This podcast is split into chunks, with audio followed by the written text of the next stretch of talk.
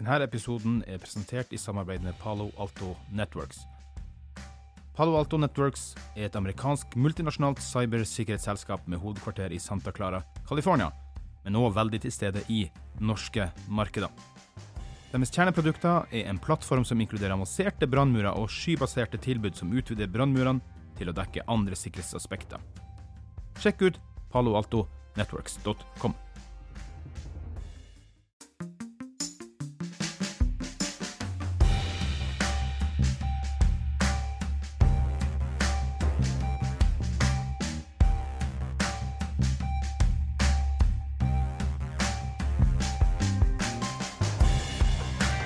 velkommen til en ny episode av SMB Norge-podkasten, presentert med vår eh, samarbeidspartner Palo Alto Network, som driver med cyber security. Og her i Arendalsuka så skjer det veldig mye spennende, både fra oss i SMB Norge og fra andre aktører. Og en av de tingene som skjer nå fremover, som, eh, som vi skal prate litt om i dag, er kreft og kreftforsikring. Og da kan jeg ta beskrivelsen på arrangementet vi skal ha. Kreft er en sykdom som rammer stadig flere. Samtidig gjør man stadig nye fremskritt når det gjelder behandlingsformer og medisiner. Likevel ser man at det lanseres egne kreftforsikringer der man kan forsikre seg slik at man får tilgang til en ny vurdering og den beste behandlingen i Europa. Tyder det på at mange ikke har tillit til det norske helsevesen? Er ikke tilbudet fra det norske helsevesenet godt nok? Trenger vi en egen kreftforsikring? Olivia kreftforsikring, Norwegian Underwriting Agency og SMB Norge tar debatten. Og den skal være ganske godt representert av forskjellige tunge stortingspolitikere og i det hele tatt. da. Og med meg her i studio i dag så har jeg Vidar Arnulf. Du er medisinsk direktør for Alivia kreftforsikring. Hei. Hei. Og takk for at vi kunne gjøre det her. Takk selv. Debatten, hva tenker du om den? Nå gjør vi opptaket litt før. Hva tenker du, hva er det du forventer, og hva tenker du om debatten? Hvordan tror du det skal gå? Hva, eller hva er dine forventninger, egentlig? Nei, ja, Debatten håper jeg skal bli frisk. Jeg håper at uh, vi kan få noen uh, meninger som står mot hverandre, sånn at det blir uh, tydeliggjort hvordan skillelinjene går, og hvordan, hvor, hvorfor kreftforsikring er nødvendig i Norge i dag. Mm. Hva er det Alivia kreftforsikring gjør? Hva er businessen deres? Alivia er to ting. Det mm. er Alivia som en medisinsk kompetanseorganisasjon, eh, og så er det forsikring. Mm. Vi sørger for at de som er kundene våre, og hvis de får kreft, så får de tilgang til den beste medisinske kompetansen som finnes. Mm. De får en second opinion eller en annen vurdering. Og hvis det viser seg at den enten diagnosen du har fått er feil, eller behandlingen kan komplementeres med noe som man ikke enda har begynt med i Norge, så vil forsikringen plukke opp regningen for å gi deg den behandlingen. Mm. Second opinion, det hører jeg ofte mange snakke om, også i andre, ikke nødvendigvis bare kreft, men snakke om, da. Hvor, uh, hvor essensiell er det for dine kunder? Er det, vinner du gjennom ofte på den type approacher? Second opinion er viktig av to grunner. Mm. Uh, og jeg vil si at den er spesielt viktig når du har en så alvorlig sykdom som kreft. Mm. Det er to utfall av en second opinion. og Det ene er at man har, får bekreftet at den behandlingen du faktisk får, er den beste. Mm. Det som vil gi deg peace of mind og trygghet for at du er, kan slappe av med akkurat det. Mm. Alternativt så kom den med en alternativ diagnose eller en alternativ behandling som da vil være bedre, forhåpentligvis, enn det du egentlig har. Og da vil forsikringen sørge for at den behandlingen får du uten at du behøver å tenke på hva det skal koste. Mm. Hvor lenge har Alivia altså, hvor, hvor, lenge har dere holdt på? Alivia har holdt på i Sverige siden 2019. Ja. Eh, vi startet opp i Norge nå i mai i år. Så i Norge så er vi et ganske nytt produkt. Ja. Hva er din bakgrunn som gjør at du har kommet inn her i, i den type business? Hva, hva, tenkte du på nå? At hva er at du, du sier det er et svensk eh, firma. Hvilken bakgrunn har du som gjør at du kommer inn i denne businessen her? Ja, Det er en, det er en lang, lang, historie. Eh, jeg startet for akkurat 25 år siden Vertikal helseforsikring som det første Ja. helseforsikringsselskapet i Norge. ja. Det er ganske stort i dag, det er ikke det? I dag så er det blitt stort. For 25 år siden så var det ingen som var helseforsikret. Og vi Nei. begynte å få én kunde, og så fikk vi en til, og så fikk vi 300 i løpet av de første seks månedene. Ja. I dag så er det 800 000 nordmenn som har helseforsikring. Ja. Disse 800 000 nordmennene, de, av de så er 160 000 hvert år som får hjelp.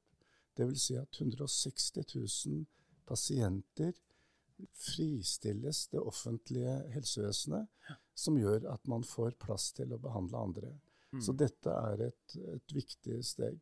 Nå har vi gått inn og laget kreftforsikringen, og bakgrunnen for det er at kreft er en annen type diagnose enn det som vi trodde vi skulle behandle i, for 25 år siden, Ja. hvor det var de korte diagnosene. Det var menisker, det var hofter, det var brokk. Mm. Touch and go-sykdommer. Mm. Nå er det de lange sykdommene, sånn som kreftsykdommen er. Kreft er en diagnose som du bærer med deg resten av livet. Selv om du blir, om du blir helbredet, Mm. så vil sykdommen bli med deg, og den vil bli med familien din, og du vil bli med vennene dine og arbeidsplassen din. Derfor så er det viktig å kunne ha et annet perspektiv på behandlingen av kreftpasienter, og dermed også kreftforsikringen, enn det som er med den andre. Så dette har vært min eh, hva skal jeg si, eh, min lidenskap, eller min, min Ja. sterke, sterke ønske, er jo nå å få dette produktet inn også i Norge. Ja. Vi startet i Sverige fordi det var der vi fikk en forsikringsgiver.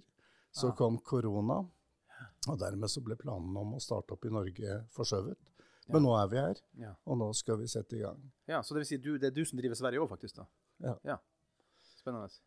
Og vi har jo da, det vi har, er at vi har mye medisinsk kompetanse rundt oss. Vi har et Mm. internasjonalt medical advisory board som består av professorer og krefteksperter Mm. i England, USA, Sverige, Sveits og Norge.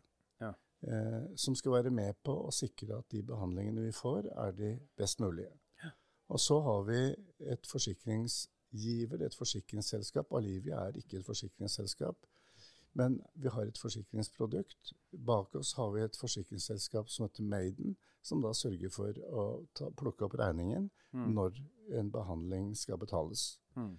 Det som er spesielt med vår konstruksjon, er at vi ikke er forsikringsselskap. Det vil si at vi tar ikke hensyn til hva er den billigste behandlingen når vi skal behandle deg. Nei. Vi tar utelukkende utgangspunkt i hva som er den beste. Ja, dere er rådgivende selskap. eh, Ja. Ja, så Ja. Vi, er både en ut, vi er på en måte utøvende i og med at vi er den som følger deg gjennom sykdommen. Vi Ja. er de som rådgir deg og setter deg i kontakt med de beste spesialistene. Og når de beste spesialistene sier at du trenger denne operasjonen eller denne medisinen, så vil forsikringsselskapet plukke opp regningen. Mm. Mm. Også de Norwegian Underwriting Agency, hva er, hva er dem i bildet her? Norwegian. Underwriting Agency er vår eh, salgsorganisasjon. Det er de som er distributøren vår. Det å selge forsikringer er strengt regulert. Ja. Så de har jo da alle de formelle tillatelsene og godkjenningene som skal til for å selge forsikring. Ja.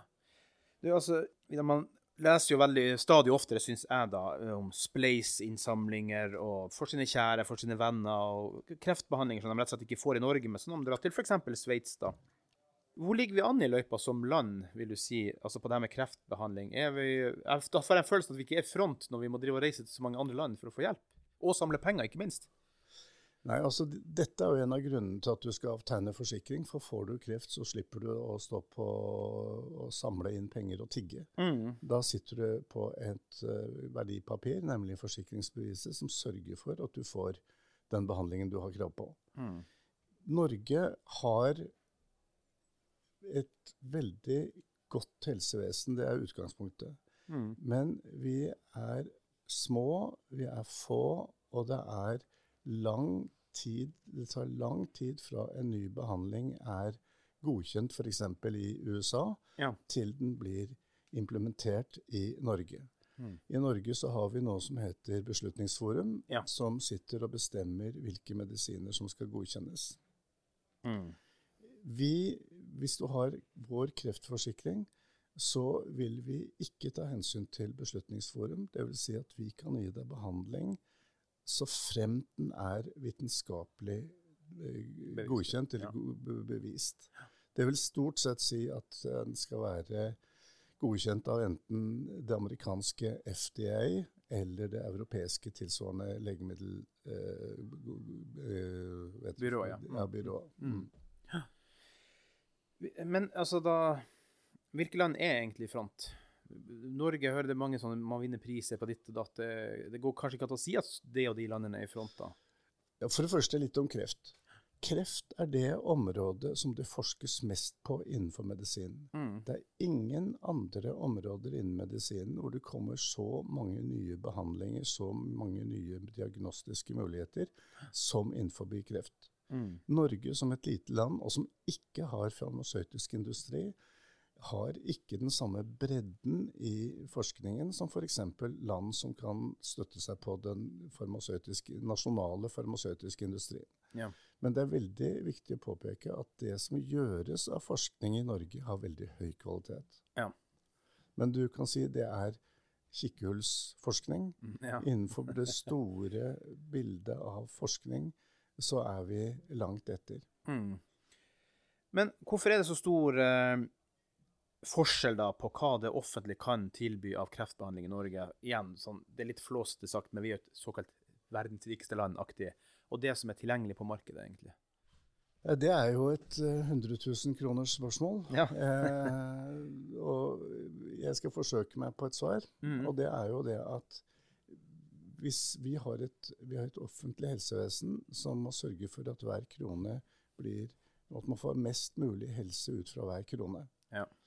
Eh, det vil si at man har et eh, samfunnsfokusert eh, syn eller vurdering av hva som skal tillates. Mm. Du som pasient vil selvfølgelig ha et individfokusert synspunkt. Ja. Du vil ikke tillate at det som at du ikke skal få den beste behandlingen fordi det er for dyrt. Nei. Vi opererer bl.a. med noe som heter kvalitetsjusterte leveår som et kvalitetskriterium i forhold til hva som skal tillates sies, og hva som ikke skal tillates sies. Og Gjør det det offentlige òg det? Og det er det offentlige som gjør. Ja. Og det, er, eh, og det kan da veldig ofte slå ut på den måten at du som pasient kan sitte og se på at det finnes en behandling som kan redde livet ditt, mens det offentlige mener at den er så dyr at den, vi vil heller bruke pengene på noe annet. Ja. Dermed så sitter du igjen, hvis du skal kunne få, få skal gi deg den makten du trenger for å få den behandlingen, Mm. så trenger du en forsikring. Og den, da trenger du Alivias skriftforsikring. Mm. Hvor vi gjør to ting, som jeg sa. Vi sørger for at du får kompetanse, internasjonal, anerkjent, god kompetanse på det som finnes av kunnskap rundt din sykdom. Ja. Og vi sørger for at du får den betalt. Ja, og da kommer nok et 100 000 kroner spørsmål, egentlig litt mer i verdi. Hva er egentlig prisen på et liv, da, kan man spørre seg, i forhold til disse offentlige beslutningene på nettopp? Ja, det, Ja. Det, det, det tør jeg ikke å si, men det som er prinsippet bak kvalitetsjusterte leveår, Ja. det vil si at jeg som er en gammel mann Mm. eh, Ikke har- så gammel. Nei da, jeg Nei. har jo et par, par 40 år igjen. Men, Ja. men uh, jeg er da mindre verdt enn deg, Ja, som er yngre enn meg. Mm. Uh, så jeg ville ha mindre sjanse til å få være med i lotteriet enn det du har. Mm. Men myndighetene har ikke kyniske tall på det, har de det? Eller, er det, eller har de det faktisk? Det er jo en viss kynisme i det, samtidig som jeg skjønner jo det at hvis du er helseminister, Ja. så er du forplikta til å få mest mulig helse ut av hver krone. Ja. Mens jeg som pasient jeg er mer interessert i å få Det det, som er best for meg. Mm. Og i dette bildet så er en kreftforsikring et virkemiddel for deg til å kunne virkeliggjøre den muligheten av å få den beste behandlingen. Mm. Mm. Og apropos det, da. Det var én ting jeg noterte meg her. altså. Kreftforsikringa deres eh, Vidar, kan jo ses på på to måter. Det ene er jo da forsikringen seg sjøl, for at nå har noe skjedd. Men så har du det med at du da i det lange løp kanskje skal leve med kreft. da. Forklar det at eh, for deres perspektiv, det er jo faktisk da to forskjellige ting. Og det er ikke så lett å være sikra mot det f.eks. i det offentlige, da, eller i det hele tatt. Kan du gjenta akkurat det, for det må jeg skjønne nøyaktig? Nei, altså, Forsikringa deres kan jo ses på to måter. Det ene er at uh, nå får du en behandling, da. Si du får en akutt behandling, men så har du livsløpet etterpå. Skal leve med det. Omsorgen for livet ditt. Mm. Med kreft, rett og slett. Ja, og for det, den er inkludert i forsikringa di. Ja, og det, er derfor vi har startet en egen kreftforsikring. For i de vanlige helseforsikringene så får du nettopp den ene behandlingen. F.eks. Ja. En, en, en, operasjon eller, eller, noe. Mens kreft, som jeg sa, det er jo en sykdom som følger deg hele livet. Mm. Og som har følgetilstander, og som krever rehabilitering. Den krever eh, at du skal følges opp hvis du får tilbakefall. Mm. Skal, det er ofte du ikke trenger bare én second opinion, men etter tre år så får du kanskje et tilbakefall som gjør at du trenger en annen, en ny second opinion. Ja. Eh, alt dette gjør vi, og det er det som skal være forskjellen mellom Alivia og en vanlig forsikring. Mm. Det er at vi har det lange forløpet. Mm. Vi skal ikke vi kan ikke gå der for deg, men vi kan være med deg mm. hele veien. Mm. Men vil du da si at kreftomsorgen, altså det å måtte leve med kreft i Norge, er kreftomsorgen ikke god nok i Norge fra det offentlige, da? Det er veldig varierende. Mm. Det varierer fra landsdel til landsdel. Eh, men det vi ser, det er jo nedbygging av sykehusene. Sykehuskapasiteten går nedover. Mm. Man sentraliserer sykehusene.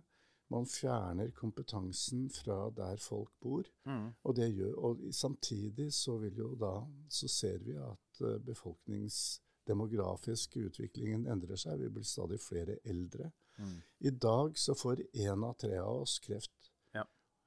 Om ikke lenge så vil annenhver person i dette landet oppleve å få kreft. Og hvis du tenker på at kreft rammer ikke bare deg som pasient, men det rammer også familien ja. din og arbeidsplassen din og vennene dine, så blir dette stort, uh, en stor utfordring. Ja. Og oppi den situasjonen så sitter vi der hvor vi også kommer til helsevesenet og mangler hender. Mm. Eh, og i denne sammenhengen så tror jeg at kreftforsikringen som vi har, vil være et virkemiddel til å kunne sørge for at kompetanse kommer hjem til deg der du bor, selv om du bor i Hattfjelldal. Mm. Og vi kan også være med på å gi deg den støtten du trenger gjennom de kompetanseenhetene som vi sitter på. Mm. Men når det, når det, er sagt, så er det viktig at det offentlige helse- og kreftomsorgen, det er kjernen. Det er grunnmuren. Vi skal være der og fylle de hullene som oppstår ja. eh, hvis det offentlige ikke klarer å levere.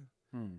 Men skal, på, vi kan ikke på noen måte si at vi erstatter den offentlige kreftomsorgen, Nei. men vi skal være supplementet som gir deg støtte der hvor det offentlige svikter. Mm. Når du ser disse Spleice-innsamlingene og alt det her, da, burde vi hatt en slags annen tilnærming til det med at, at det blir stadig mer og mer frustrerte mennesker og familier som samler inn penger til eh, behandling et annet sted. Da.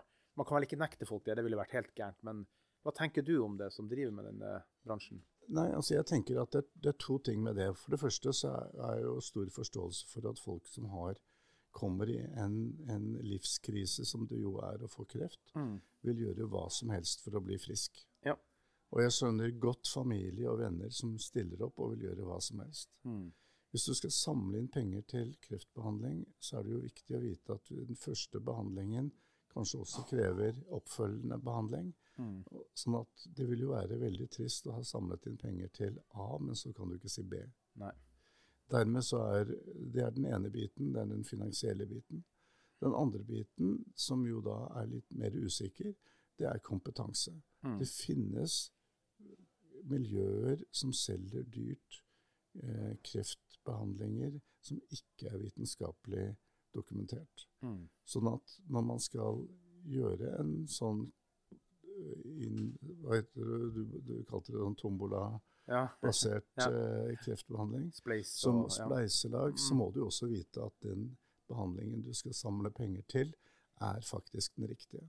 Ja. Og dermed så Det kan, være, kan selvfølgelig være eh, situasjonen, men eh, det som vi gjør, er jo da å sørge for at den behandlingen vi anbefaler og tilbyr deg, det er også en som er godkjent og eh, kvalitetssikret gjennom kreftspesialister. Så det du egentlig sier da, Vidar, er at det, ja, det er strengt i Norge og alt det her, da, men det er en del behandlinger i utlandet som ikke hadde bestått norske krav for behandling, da kanskje?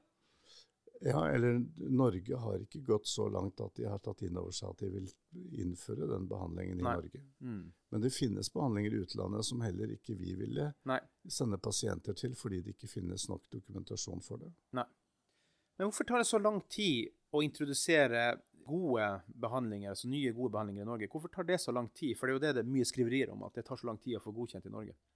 Ja, Det er også et sånt godt spørsmål som jeg ikke har noe entydig svar på. Men når det gjelder nye behandlinger, så er det sånn at behandlinger forskes på. Først så finner man ut at kanskje vi skal prøve denne medisinen mot kreft. Mm. Da skal du gjennom en lang prosess hvor, med, med det som heter stadie 1-testing, Ja. stadie 2-testing og stadie 3-testing. Og hvis du kommer gjennom den fase 3-testingen, så kan du sende inn en godkjenningsforespørsel, og de fleste gjør det da til det amerikanske FDA. Ja.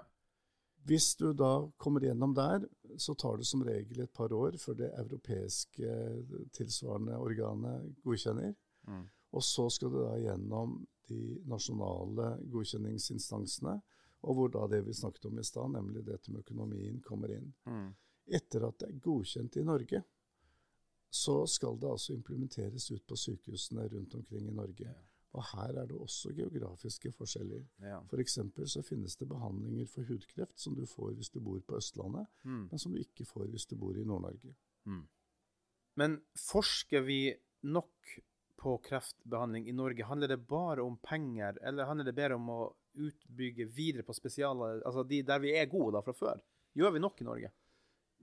Det er et spørsmål som jeg helt sikkert kan si nei til. Vi gjør aldri nok. Når det gjelder forskning, så kan vi aldri få nok penger. Mm. Men jeg syns at Norge har gjort det som er riktig, nemlig det at vi fokuserer på noen få områder hvor vi kan bli best. Ja. Og Norge er best på noen områder, Mm. og det er jo veldig fint. Men kreftområdet er så stort og hvitt, Mm. Eh, ikke minst fordi det som er den nye trenden innenfor nesten all medisin, nemlig individualisering, Ja. det gjør at man ikke nødvendigvis kan favne hele spekteret med kreftbehandling gjennom forskning i Norge. Mm. Og som jeg sa, én stor bakdel vi har, er at vi ikke har nasjonal eh, farmasøytisk industri.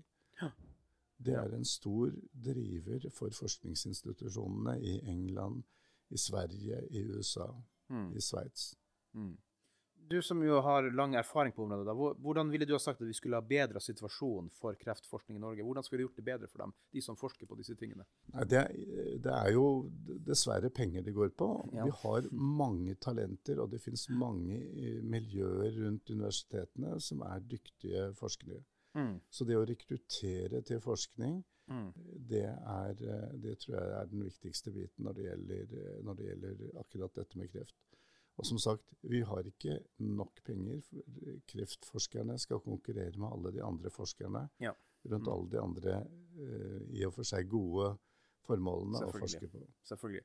Men kunne veien videre vært slags samarbeid, mer samarbeid mellom offentlige og private krefter? Hadde det vært en vei å gå? Nærmest litt sånn sponsa-aktig, eller er det kanskje litt touchy å gå inn på på sånne områder? Nei, jeg, jeg mener jo det. Jeg mener jo veldig sterkt at uh, offentlig og privat må samarbeide mer. For å bevare den velferdsstaten vi har i dag, så kan vi ikke fortsette den inn i morgen. Nei. Man må finne nye veier. Og i hvert fall mitt syn er at det å samarbeide privat-offentlig er helt nødvendig. Mm. Og Ikke minst så ville vi ikke vært der vi er i dag hvis man ikke i utlandet hadde samarbeidet med private, store organisasjoner. Ja, for der gjør man det mye mer, sant? Ja. Ja. Og det burde vi også gjøre i Norge. Mm. Eh, det, finnes, det finnes selvfølgelig eksempler på at det gjøres, Mm. eh, det, men det kunne gjøres mye mer. Mm. Det finnes jo også eh, andre helseforsikringer, Vidar eh, Arnulf. Er, de ikke gode nok for kreft, dem, da? Nei. Nei. Det vil jeg si ut, ut, betinget nei til. Ja. Og grunnen til det er at de er jo dyktige nok til å gi deg enkeltbehandlinger. De er Mm. dyktige nok til å gi deg det som heter molekylær profilering, og de er nyttige til å gi deg eh, en operasjon. Mm. Men kreft er så mye mer enn molekyler. Ja. Kreft er hele mennesker. Kreft er ikke minst en lang sykdom. Og mens forsikringsselskapene ser de korte perspektivene, så ønsker vi å være der i den lange løypa. Mm. Og det er forskjellen mellom oss og, og, og de tradisjonelle helseforsikringsselskapene. Mm. Dette er noe som jeg kjenner godt til, siden jeg selv var med på å starte Vertikal helseforsikring. Mm. Det jeg ser nå, er at det er et behov for en annen type helseforsikring i Norge. Mm. Du, klassiske spørsmålet, kanskje det er slemt om jeg spør det. Er ikke dette dyrt, da? Nei.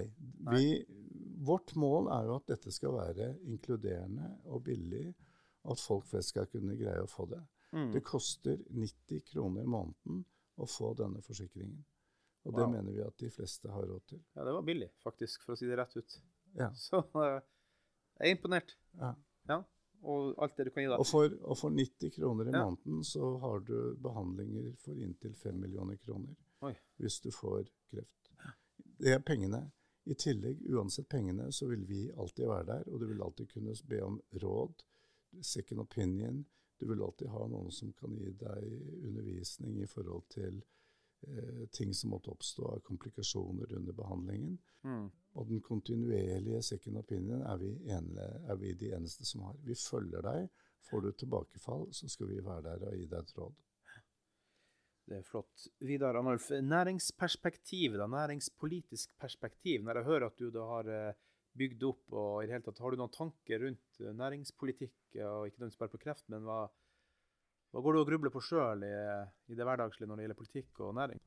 Nei, altså, du var jo litt innpå det når det gjaldt forskning. Mm. Jeg mener jo det at velferdsstatens beskyttelse, eller det å sørge for at vi får en velferdsstat som er levedyktig inn i de neste tiårene, Ja.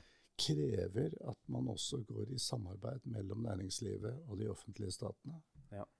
For vi skal bli gammel, og vi skal leve lenger, og det er færre hender til å ta vare på oss. Yes. Det er jo en stor utfordring som ligger godt i vente her, altså. Ja, Det er helt riktig. Det er den utfordringen vi må ha. Hva tenker du da om den politiske debatten som skal være? Hvilke forventninger har du til den, da? Nei, jeg håper jo at dette kan bli en debatt som også dreier seg om nettopp det du nå tok opp. Den, eh, hvordan skal vi organisere frem, velferdsstaten velferdsstaten fremover? Hvem skal spille noen roller? Arbeiderpartiet har jo nå signalisert veldig sterkt at det offentlige skal være den eneste leverandøren av helsetjenester i Norge. Det mener jeg er en stor feil. Jeg mener at uh, Arbeiderpartiet på den måten selger unna velferdsstaten eh, på billigsalg. Ja. Norge, det er ingen land i Europa som har så mange leger og sykepleiere per 1000 innbygger som Norge. Nei.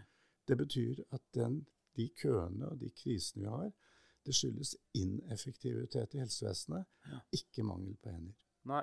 Nei, for det er jo noe spesielt, fordi at vi er jo Du kan ta helse, du kan ta skole, f.eks. Vi er jo i europaverdenstoppen eller toppen, toppen på pengebruk, men det er køer her likevel. Ja. Det er ganske spesielt. eh, Og jeg, og jeg mener at det er fordi vi har klokketro på at det offentlige kan løse alle problemene, der hvor det private har vist at de kan gjøre tingene smidigere. Jeg nevnte de 160 000 pasientene som hvert år får behandling gjennom helseforsikringen sin i et privat løp. Mm. De har altså spart det offentlige for mange millioner, mange hundre millioner kroner i behandling. Mm. Og de pasientene har fått dette på en veldig rask og effektiv måte. Men ikke minst så har disse 160 000 pasientene ryddet plass for andre 160 000 Ja. pasienter som ikke har forsikring. Det er veldig, veldig godt poeng, da. Det er alltid to sider til en samme sak. Ja. Ja, så, men du, uh, Vidar, du er jo du er førstereisgutt i Arendalsuka, skjønner jeg. Hva, hva tenker du om Arendalsuka? Det er jo det er jo en minglefest uten like. Det er jo helt vilt der. Hva, hva tenker du og håper du å få ut av Arendalsuka? Jeg syns at Arendalsuken er et fantastisk eh, arrangement. Jeg Mm. at det at man kan blåse liv i den politiske debatten, og hvor folk flest kan være med og delta, og i, Mm. både snakke direkte til politikere, til regjeringsmedlemmer. Du ser dem overalt, faktisk. her. Ja, Mm. og det, og det synes jeg er et eh, det er en veldig styrke for demokraten, demokratiske ordskiftet Mm. at vi kan få til det. Mm. Helt til slutt her, eh, Vidar Arnulf. Hvis noen av våre lyttere tenker på det her med å sjekke ut, hvor skal de komme i dialog med dere, Olivia? Jeg tror at den beste måten er å gå på vår nettside. Det er alivianordic.no. Mm. Eller på Norwegian Underwriter Agencies nettside. Der får man eh, kontakt med oss. Ellers så er vi også kontaktbare via de fleste forsikringsmeglerne. De fleste bedrifter og organisasjoner selger nå eller kjøper nå sine forsikringer via egne meglere. Mm. Selger du ut til bedrifter òg, at de kan sikre sine ansatte? Ja. ja. Genialt. Bedrifter, organisasjoner skal kunne kjøpe dette for sine ansatte til en billig penge. Eh, og det de gjør, er at de sørger for at den ansatte får peace of mind. Ja. Tenk over hvis, en, hvis du noensinne har satt en tannstikker fast mellom tenna, mm. Mm. Og tenk på hvordan den tannstikken plutselig suger all konsentrasjon og oppmerksomhet mot den der lille pinnen som du vet blir borte når du får kommet deg på hva du har pirket den vekk. Mm. Tenk da hvis du får kreft, eller lurer på om du har kreft. Mm. Hva tror du det gjør med konsentrasjonen din, oppmerksomheten din eller arbeidsevnen din? Ja. Og det gjør jo at ikke minst også bedrifter vil kunne nyte godt av at de har arbeidstakere som kan i hvert fall føle seg sikre på at de får den beste behandlingen ja. når de får den. Pluss ventetiden du havner igjen. Sant? Yes. yes. Usikkerhet og ventetid. Nei, men Det er veldig fint, uh, Vidar Arnulf. Vi håper jo folk vil gå og sjekke ut Alivia kreftforsikring. Vi håper også folk vil eh, like å dele podkasten her. Vi er jo da på et levende lydbilde her under Arendalsuka, så det er litt klirring og skåling underveis. Det må man bare godta og akseptere. Tusen takk til vår samarbeidspartner Palo Alto Network, som driver med cybersecurity. Sjekk dem ut. Gi oss en femstjerners rating på Spotify og Apple Podcast. Vidar Alf, da får jeg bare takke for at du har vært her, og så får jeg ønske deg virkelig lykke til i Arendalsuka. Takk selv.